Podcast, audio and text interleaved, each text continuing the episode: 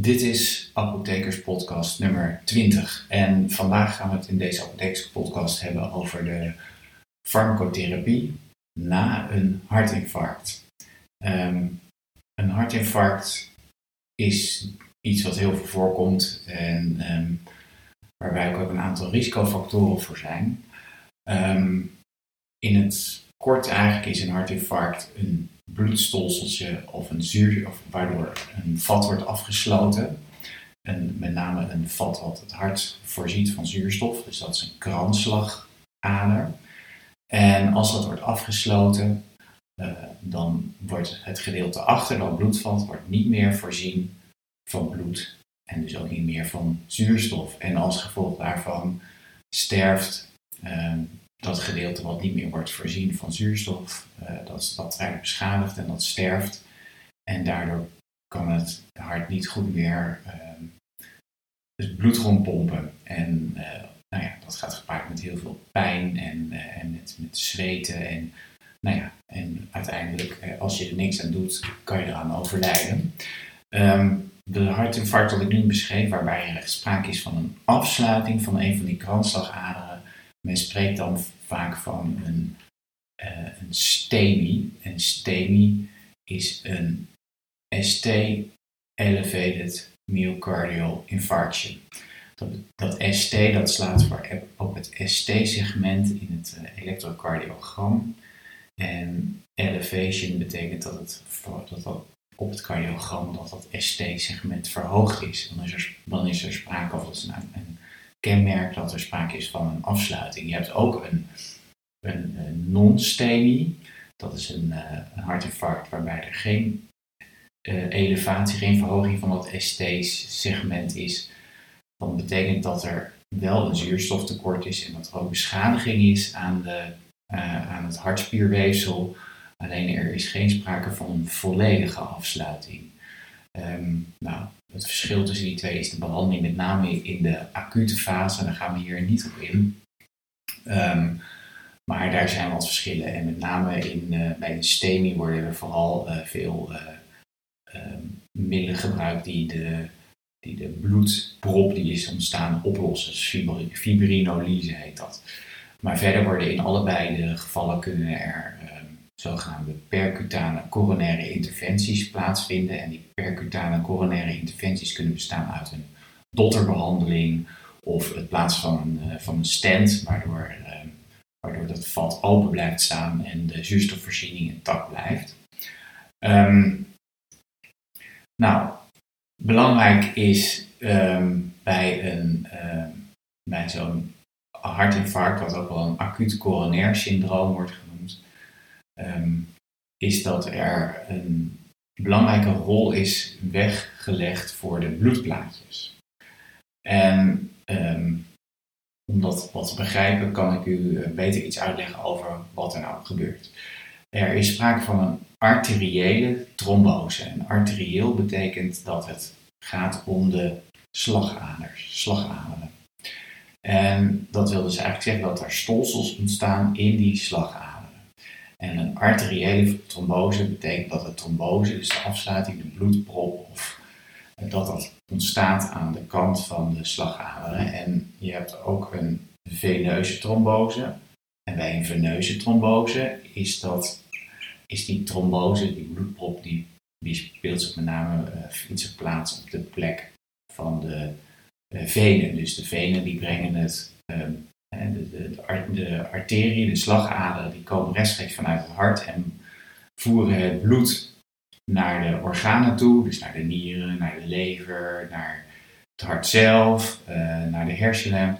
En um, nou ja, als dat bloed daar zijn zuurstof en zijn, zijn, zijn voedingsstof heeft afgegeven, dan moet het ook weer terug naar, naar het hart en uh, via de longen weer uh, van zuurstof worden voorzien. En dat teruglopen naar het hart, dat is het veneuze systeem. Dus dat zijn de venen. En uh, veneuze tromboses die van belang zijn, met name het trombosebeen en een longembolie bijvoorbeeld, die zitten als veneustrombose. Maar het maken of het ontstaan van die tromboses is echt wezenlijk verschillend. En een arteriële trombose Dat vindt met name plaats dus aan arteriële zijde en risicofactoren voor een arteriële trombose zijn met name een hoge bloeddruk, een hoog cholesterol, roken, diabetes en aderverkalking. En dat geeft al aan dat er dus eigenlijk sprake moet zijn van vaatschade. En die vaatschade die wordt vaak veroorzaakt door, ja, doordat er lange tijd een, bijvoorbeeld een hoog cholesterol is geweest. Roken, roken bijvoorbeeld zorgt voor een beschadiging van de, van de vaten. En een combinatie met zo'n cholesterolophoping in je bloedvat, waardoor de diameter minder wordt. Als je dan nog hoge bloeddruk hebt, en dan, dan zorgt die vernauwing van het vat, dan zorgt eigenlijk voor een, elke vernauwing zorgt voor een vier keer zo hoge druk. Dus als je al hoge bloeddruk hebt, heb je een heel grote kans dat waar zo'n cholesterolplak, zoals het dan zo heet, zit, dat die afscheurt. En, uh, en als die afscheurt, dan, um, nou ja, komt eigenlijk het bloedvat, wordt, raakt dan beschadigd. En uh, dat bloedvat is normaal gesproken heel mooi bekleed met endotheel. Dat zijn celletjes die eigenlijk aan de binnenkant van je bloedvat zitten. En als daar een, een, zo'n uh, schade ontstaat, door bijvoorbeeld doordat zo'n zo'n plak afscheurt, dan komt dat endotheel, dat, dat wordt ook beschadigd en dan komt het weefsel van het vat komt dan bloot te liggen. En als dat weefsel van het vat komt uh, bloot te liggen, dan heb je, uh, dan zien de bloedplaatjes, die komen dan in contact met weefselfactor. En doordat ze in contact komen met weefselfactor, uh, veranderen ze van, van structuur en raken ze ook geactiveerd. En doordat ze geactiveerd worden, daar komen we straks later in deze, in deze podcast nog op terug, dat ze geactiveerd worden, activeren ze ook stollingsfactoren en gaan ze samenklonteren en ontstaat er uiteindelijk een stolsel. Ze, ze, ze klompen die plaatjes klonteren samen en activeren ook nog de stollingsfactoren. Die stollingsfactoren zorgen dat er fibrine wordt gevormd. Dat is een soort draad die om die klomp met bloedcellen en met, uh, met bloedplaatjes komt te zitten. En dat stolsel dat kan uiteindelijk vast komen te zitten ergens en dan heb je, is er sprake van een infarct. Dus een infarct een arteriële trombose en de bloedplaatjes spelen een hele belangrijke rol in het ontstaan van die trombose, in het ontstaan, dus in de pathogenese van een hartinfarct. Um, de lange termijn behandeling van een hartinfarct bestaat uit, uit uh, therapie met geneesmiddelen, maar ook met, uh, uit therapie met niet-geneesmiddelen, dus niet-farmacologische therapie. En die niet-farmacologische therapie is minstens zo belangrijk uh, als je gaat kijken naar de ehm, de, de, naar de farmacotherapie. Dus de niet-farmacologische therapie is heel erg belangrijk. En, en die bestaat uit een aantal stappen. Punt 1 is dat stoppen met roken. Want roken is heel sterk trombogeen. Trombogeen betekent dat roken de vorming van bloedstolsels activeert. En roken zorgt ook nog eens voor vaatschade. Het bleek uit een heel groot onderzoek dat stoppen met roken 36% kansvermindering geeft op uh, op een hartinfarct vergeleken met, uh, met, met niet-stoppers. Met niet um, voor het stoppen met roken zijn heel veel ondersteuningsprogramma's die je kunt gebruiken. Het kan bij via uw huisarts. Er is ook nog eens een keer medicatie die u kan helpen met stoppen met roken. Het is heel moeilijk, maar het is wel belangrijk om te doen. Zeker als u een hartinfarct heeft gehad of als u nu al af en toe pijn de borst heeft of u weet dat u schade heeft dan is dat zeer zinvol, want het geeft 36% reductie in sterfte. Uh, medicatie die gebruikt kan worden bij het stoppen met roken zijn bupropion, nortriptyline en ook varenicline. Uh, maar daar gaan we verder nu niet op in. Verder is het heel erg belangrijk om uh, uw dieet aan te passen naar gezonde voeding, waarbij heel weinig verzadigd vet wordt gebruikt en waarbij het, verzadigd vet wat er nu gebruikt wordt vooral wordt vervangen door niet verzadigd vet. En niet verzadigd vet zijn onder andere olie, vette vis. Uh, nou, dan kunt u des te diëtisten verder voor raadplegen. En de, proberen ook de hoeveelheid zout te beperken, het liefst tot minder dan 5 gram per dag. Dat is ontzettend moeilijk overigens, want zout zit bijna overal in. Dus je moet heel goed nadenken uh, hoeveel zout er in een, uh, in een verpakking zit. En als er staat natriumgehalte, dan moet u dat met 2 vermenigvuldigen om hoeveelheid zout te weten. Dus als er staat 1, bevat 1 gram natrium, dan moet u rekenen dat het 2 gram zout bevat. Heel berucht hiervoor bijvoorbeeld, zijn de kuppa soepjes, waar zit heel veel zout in. Um, verder is het belangrijk om veel vezels te eten. Uh, groente en fruit is heel erg belangrijk. En 1 tot 2 keer per week vette vis. Vette vis is zalm of makreel of haring.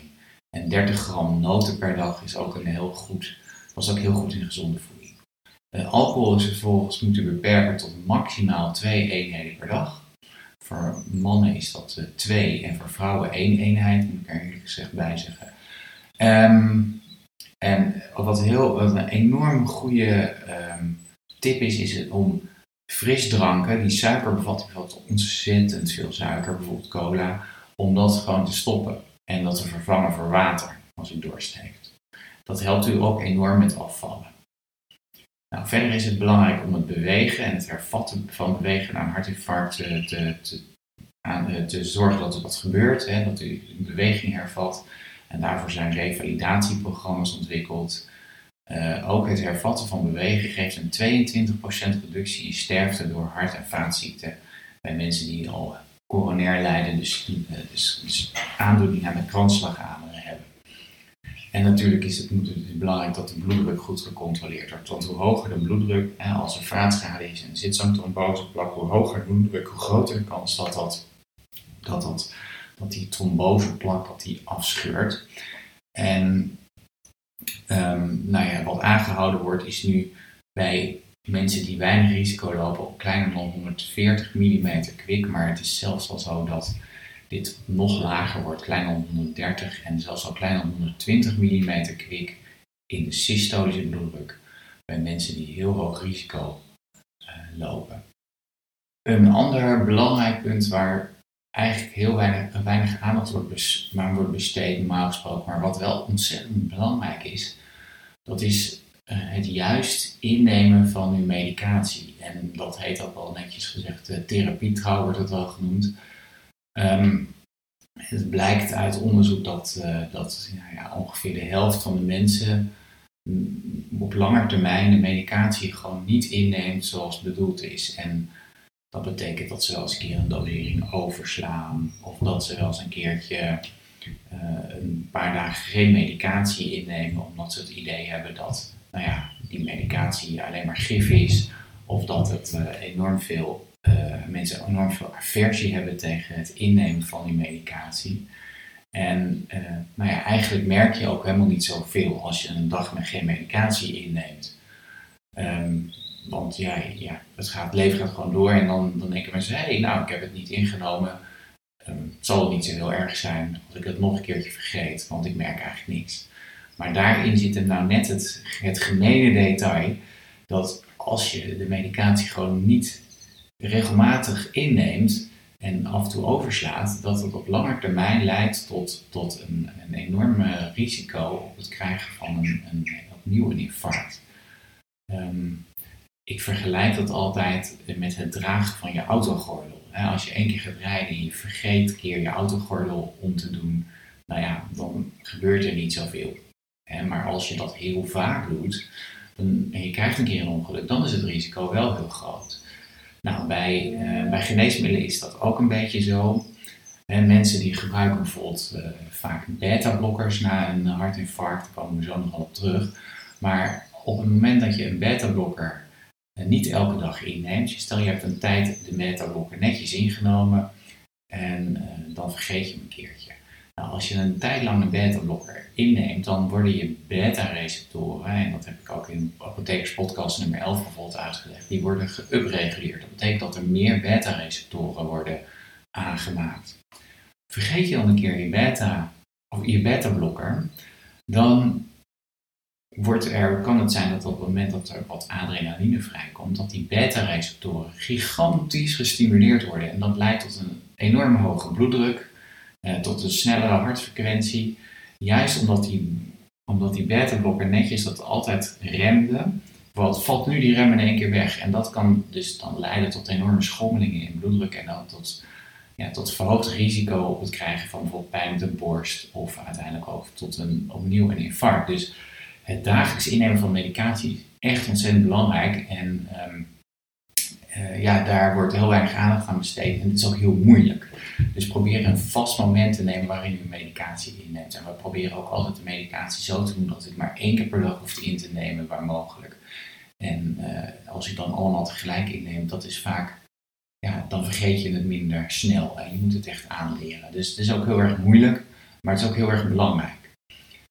Nou, wat is nou heel belangrijk in de behandeling na een hartinfarct? Eigenlijk in de lange termijn tussen een STEMI en een non-STEMI maakt eigenlijk niet zo heel veel uit wat je gebruikt. Er wordt vooral heel erg gelet op, uh, op die bloedplaatjes, omdat die zo'n centrale rol spelen in de, de pathogenese, in de aanmaak van zo, het ontstaan van zo'n hartinfarct. Nou, hoe werken die bloedplaatjesremmers nou en waarom moet je die nou innemen? Nou, er zijn op dit moment twee soorten bloedplaatjesremmers beschikbaar. De een is acetylsalicylzuur en de ander dat zijn de P2I12-remmers. Uh, die twee P2I12-remmers dat zijn onder andere clopidogrel, pasugrel, sorry, en ticagrelor. Um, verschrikkelijke namen. Um, die, die, die plaatjesremmers hebben allebei een ander werkingsmechanisme. Dus als stilstatisiezuur heeft een ander werkingsmechanisme dan bijvoorbeeld clopidogrel. En um, om dat een beetje te begrijpen is het belangrijk om te snappen hoe die bloedplaatjes nou hun werking doen. En dus op het moment dat er dus zo'n plak bijvoorbeeld gescheurd is, zo'n plakruptuur heeft plaatsgevonden, dan komt dat weefsel bloot te liggen. En die bloedplaatjes worden door weefselfactor geactiveerd. En doordat zij geactiveerd worden, gaan, gaan die bloedplaatjes de inhoud van hun granules, hè, bij insuline zagen we ook eens opgeslagen in granules. Dat is, bij bloedplaatjes heb je ook granules, alfa en, delta, en delta granules. En daarin zitten allerlei stoffen die de bloedstolling kunnen activeren, maar ook stoffen die de bloedplaatjes zelf kunnen activeren. Eén daarvan is adenosine difosfaat. En die P2I12-remmers die zorgen eigenlijk dat adenosine difosfaat, dus ADP, niet kan binden aan de P2I12-receptor. En dat is heel goed, want als één bloedplaatje bijvoorbeeld geactiveerd wordt en hij stoot allemaal ADP uit, dan kan hij ook andere bloedplaatjes weer activeren. En die bloedplaatjes die stoten dan ook weer allemaal ADP uit. En zo krijg je een zichzelf versterkende cascade van blaasjesactivatie. Dus die ADP-remming eh, door de P2I12-receptorremmers, uh, eh, die zijn heel erg belangrijk. Nou, verder heb je acetylsalicylzuur en dat remt het enzym cyclooxygenase 1. En cyclooxygenase 1 zorgt voor aanmaak van tromboxaan A2. Tromboxaan A2 is een stof die de bloedplaatjes kan activeren en zorgt dat er meer bijvoorbeeld ADP gevormd wordt en dat dat meer in die alfa- en delta-granules komt. Dus Acetylsalicylzuur remt ook daarmee de, uh, de plaatjes en zorgt dat er minder ADP gevormd wordt, zodat die plaatjes elkaar niet goed kunnen activeren. En uh, die dubbele remming van die bloedplaatjes, dus eigenlijk via een P2I12 en een COX-1-remmer, dus eigenlijk acetylsalicylzuur in lagere dosering, in combinatie met clopidogrel bijvoorbeeld, verkleint dus de kans op het van die bloedplaatjes enorm en daardoor ook het vormen van een stolsel. Dus bij vaatschade is het heel erg belangrijk dat je die bloedplaatjes remt. En dat gebeurt door, uh, door dubbele plaatjesremming. Dat noemen ze dual antiplatelet therapy. En afgekort als DAPT of DAPT. En na zo'n acuut corollair syndroom wordt eigenlijk altijd dual antiplatelet therapie gegeven. En het liefst gedurende 12 maanden en mogelijk iets korter bij een hoog bloedingsrisico. Want je zult begrijpen dat op het moment dat je die plaatjes, uh, plaatjes remt op twee manieren, dat als je een klein wondje hebt of er is en je stoot jezelf, dat je heel snel een, uh, een, een bloedingje kan krijgen. En nou, dat bloedingje kan klein zijn, dat is niet zo heel erg. Maar als het een grote bloeding is, dan is het natuurlijk wel erg. En in het ziekenhuis kan altijd het bloedingsrisico bepaald worden. Dat doet de cardioloog altijd. En aan de hand van dat bloedingsrisico gaat hij kijken van hoe lang die dubbele antiplaatjesremming nou nodig is. Nou, meestal is dat 12 maanden, het liefst is dat zelfs 12 maanden. En bij een hoog risico wordt dat iets korter, dan wordt het 6 maanden.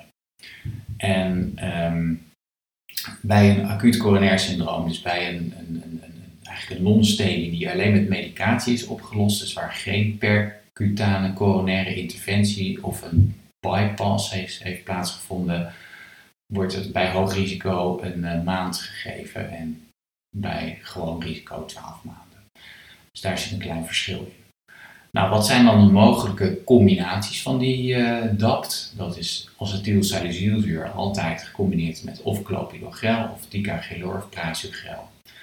En er is ook een combinatie mogelijk, en die wordt ook wel eens gebruikt met een een lage dosering rivaroxaban, 2 keer 2,5 milligram, met acetylsalicylzuur en clopidogrel. Uh, dat gaf een uh, verhoogde reductie van het, sterfte door hart- en vaatziekten, door hartinfarct of beroerte. Maar het gaf ook weer een drie keer verhoogd risico op bloedingen en een bloedig herseninfarct.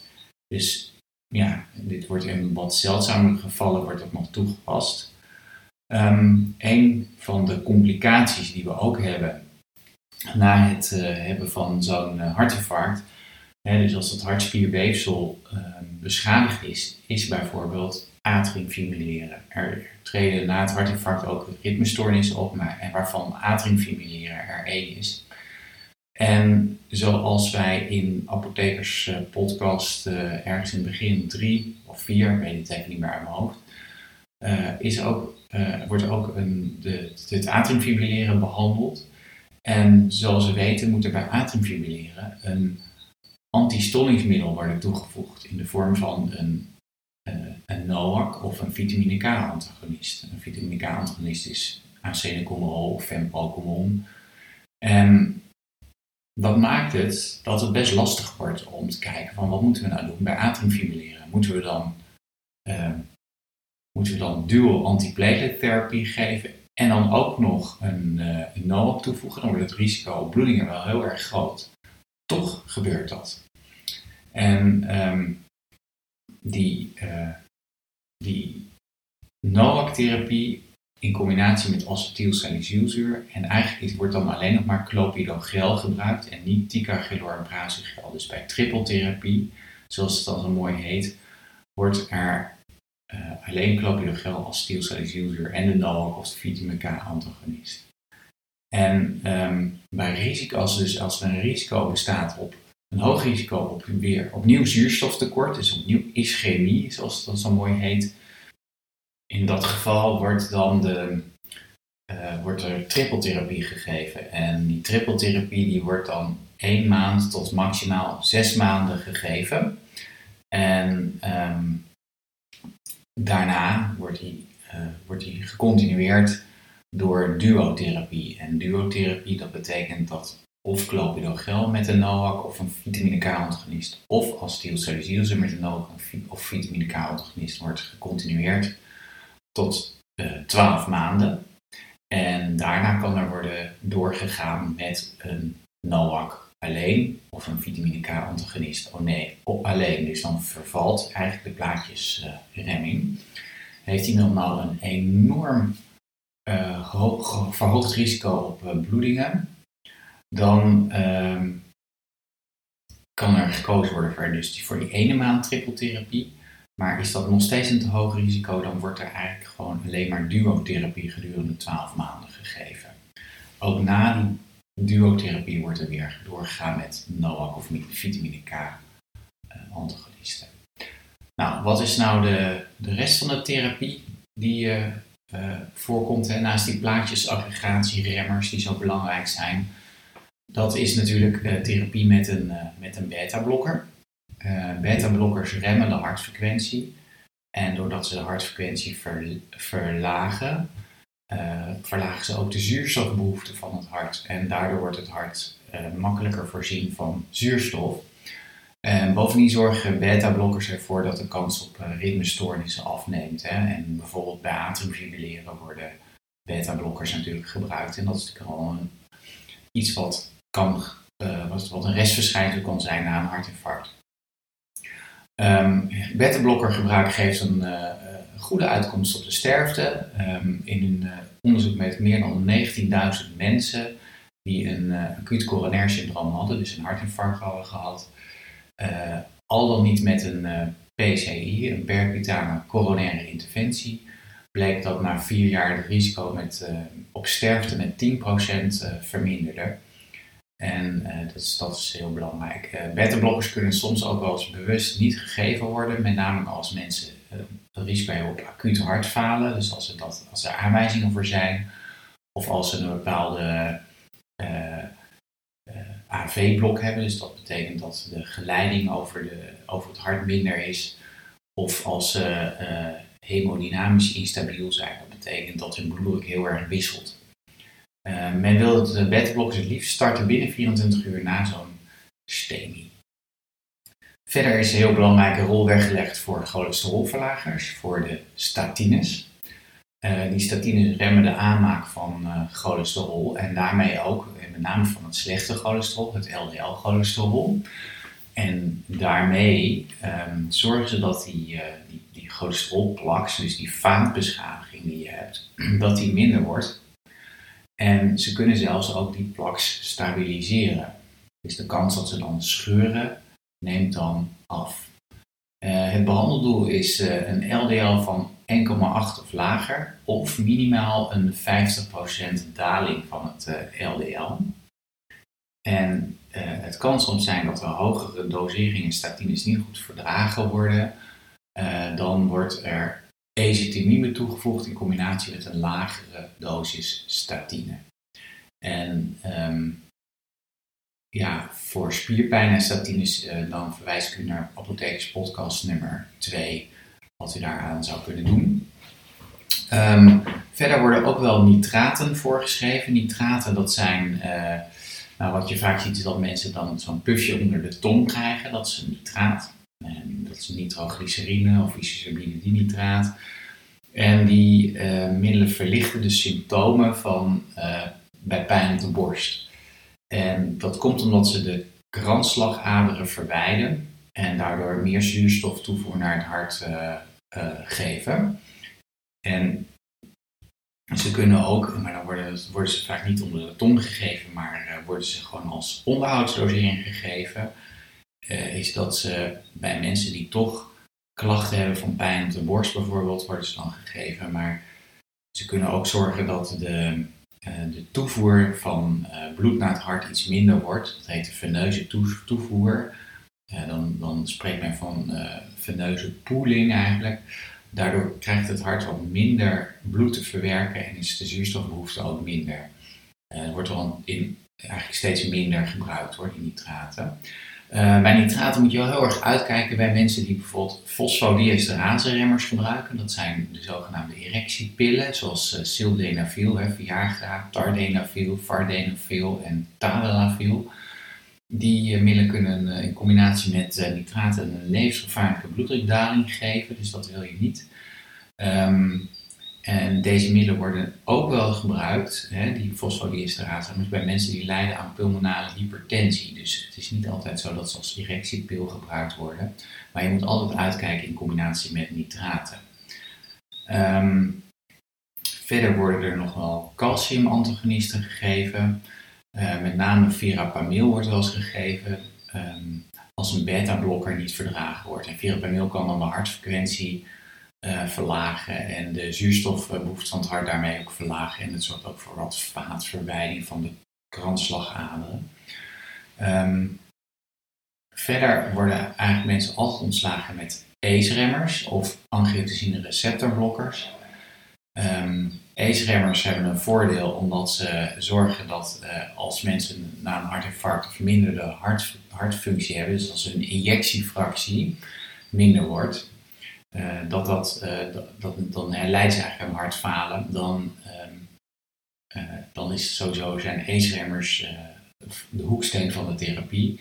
En dat kunt u ook in, in de apothekerspodcast over hartfalen kunt u dat ook terugbeluisteren. Um, ja, en verder worden die ACE-remmers natuurlijk gebruikt om de bloeddruk te verlagen. wat heel erg belangrijk is. En daarvoor worden ook onder andere de mineraal corticoid receptor antagonisten gebruikt. Dat zijn spironolacton en eplerenone. Die worden na een hartinfarct hebben die ook een positief effect op de sterfte en ook op de ziekenhuisopnames naar hartfalen. Um, zo gaf eplerenone 15% uh, reductie in uh, sterfte en 30% reductie in sterfte en hospitalisatie. Uh, in de 3 tot 14 dagen na het hartinfarct. Dus dat is een heel belangrijk punt. En verder, ja, spironolacton, dat, dat wordt ook heel veel gebruikt. 25 milligram per dag. 12,5 tot 25 milligram per dag. belangrijk is in ieder geval bij spironolacton en eplerenol om te zorgen dat, um, zeker bij mensen die een wat verminderde nierfunctie hebben, dat er kalium goed gecontroleerd wordt. Want deze middelen zijn, houden kalium vast in het lichaam. Um, nou, de andere complicaties na een uh, stemming of een ontstemming die worden behandeld volgens de richtlijnen hartfalen en die is te beluisteren in Apothekers podcast 4 en 5. De ritmestoornissen zoals atriumfibrilleren kunt u terugluisteren in Apothekers podcast uh, nummer 3. Dus uh, samenvattend, mensen met een na een hartinfarct hebben altijd een plaatjesremmer. Soms krijgen ze een vitamine K-antagonist van NOAC erbij. De onderhoudsbehandeling bestaat uit een beta-blokker, een ACE-remmer, een cholesterolverlager en soms ook nog met een uh, mineraalreceptor-antagonist, dus spironolacton of eplerenol. En dat is ook afhankelijk van wat hun bloeddruk is en wat ze kunnen verdragen. En daarmee zijn we aan het einde gekomen van deze apothekerspodcast. Als u het interessant vond, hoop ik dat u een uh, positieve review achterlaat op de Apple Store. De apothekerspodcast is ook te beluisteren op uh, www.apothekerspodcast.nl en vertel het vooral door aan vrienden, familie en kennissen die u heeft uh, als u het interessant vond. Hartelijk dank voor het luisteren en tot volgende week.